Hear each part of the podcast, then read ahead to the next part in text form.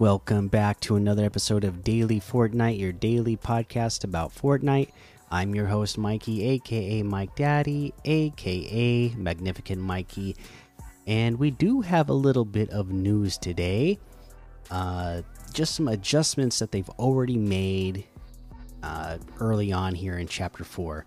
They say we've made a number of meaningful adjustments to the following, and they put this out on their social media capture point time reduced for the capture the flag.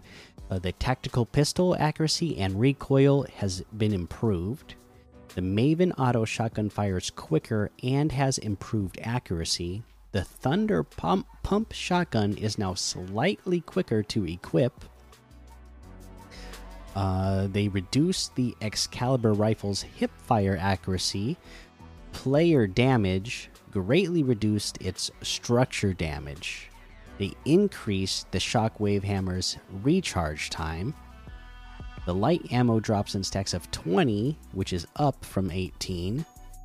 Materials harvested from various rocks across the island have been significantly increased, which uh, is great for me. I that's what I prefer to build with is brick. I prefer uh, to that's like that's normally like the first thing I focus on harvesting is brick. Uh, and again, if all of you out there don't know why, it's because most people are focusing on harvesting wood at the beginning of a match. So if I focus on harvesting brick and there's there's like you know certain rocks and boulders around that you can get a lot of brick out of fast uh, I would like to do that because then I could use my brick if I needed to get into a build fight or build to protect myself real quick. And then if I eliminated my enemies, um, who were, you know, focused on harvesting their, uh, harvesting wood then I would pick up whatever wood that they left behind, or if we got in a build fight and then they used up all their wood and I used up all my wood, and we both had only focused on building with wood at that point, then there'd be no materials at, after the build fight was over. I'd be left with like nothing, right? Because I wouldn't like we had both used up, um, both used up wood. So I, I prefer to like go with brick early on in the match.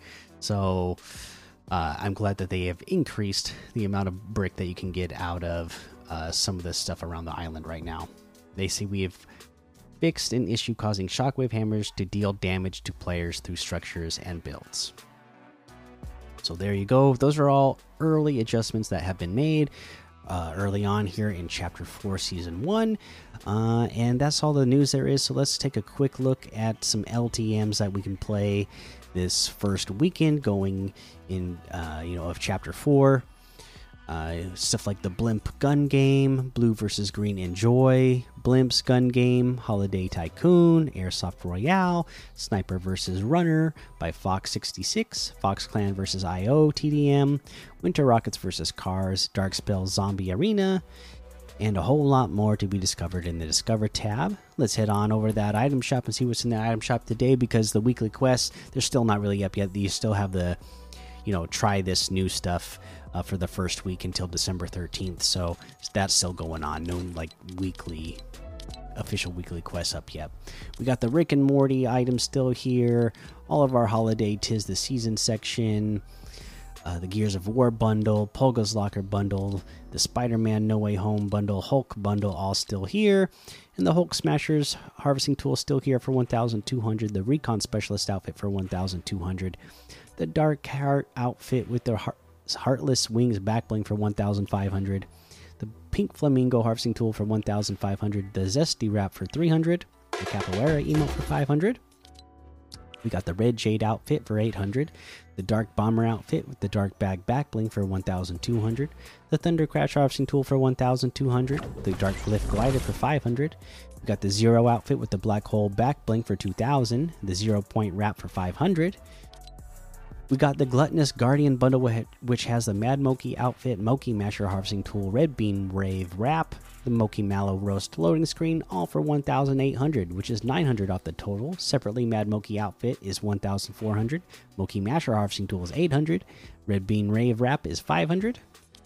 We got the Globe Shaker outfit with the ornament backbling for 1,500, Polar Poleaxe harvesting tool for 800, Blinky outfit with the swirly snow globe back bling for 1200, Blinky Basher harvesting tool for 800, Winter's Wish lighter for 500, the Cutie Pie outfit for 1200, and that looks like everything today. You can get any and all of these items using code Mikey M M M I K I E in the item shop, and some of the proceeds will go to help support the show that is going to be the episode for today. So make sure you go join the daily Fortnite Discord and hang out with us. Follow me over on Twitch, Twitter, and YouTube. Head over to Apple Podcasts, leave a five star rating and a written review for a shout out on the show.